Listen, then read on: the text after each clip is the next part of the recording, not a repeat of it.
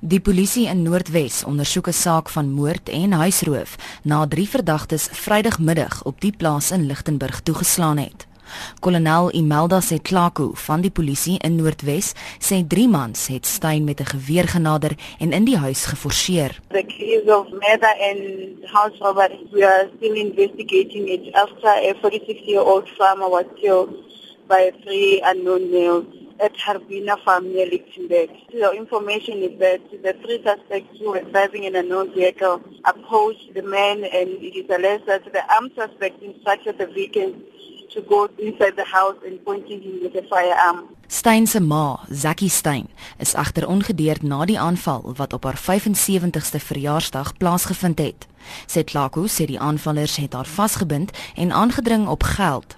Die polisie kon egter nog nie bevestig wat alles gesteel is nie. It is then alleged that the perpetrator shot the son of that lady on the head and he died on the scene and the suspect then ran away. The mother managed to call for help and one of the workers untied her and they called the police. At this stage, we still cannot confirm whether anything was stolen from the house and investigation continue. No one has yet been arrested.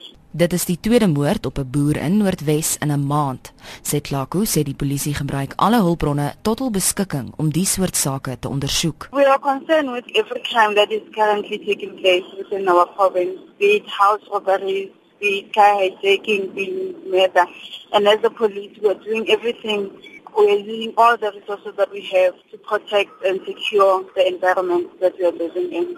The community can assist by contacting Lichtenberg Police Station or they can call 08610 number to report the incident. Dit was kolonel Imelda Setlako van die Noordwes Polisie. Ek is Jean Marie Verhoef vir SAK nuus.